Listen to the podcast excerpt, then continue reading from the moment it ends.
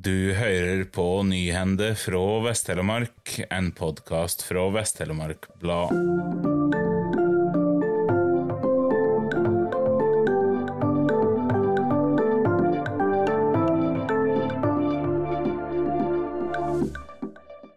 Sytten førere fikk bot etter at politiet hadde trafikkontroll tirsdag ettermiddag.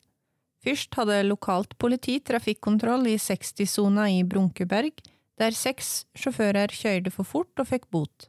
Høyeste fart ble målt til 81 km i timen, melder politiet. Seinere på ettermiddagen hadde UP trafikkontroll på rv. 36 Manheimstronni i Seljord. Fartsgrensa på staden er 60 km i timen, og ti sjåfører fikk bot for å kjøre for fort. Politiet melder at høyeste fart ble målt til 80 km i timen, og legger til at én fører også fikk bot for å ikke bruke bilbelte.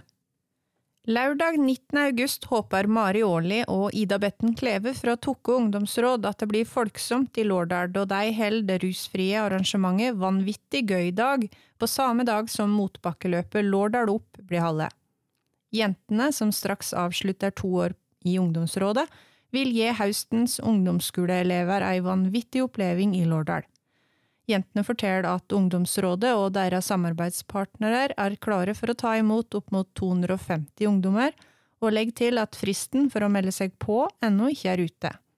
På Vanvittig gøy-dagen vil det være ulike aktiviteter rundt brygga, stranda og friområdet, mellom annet som skumbasseng, splashfotball, tubekjøring, skumsklie, bruskassetårn, store vassballer og volleyballturnering.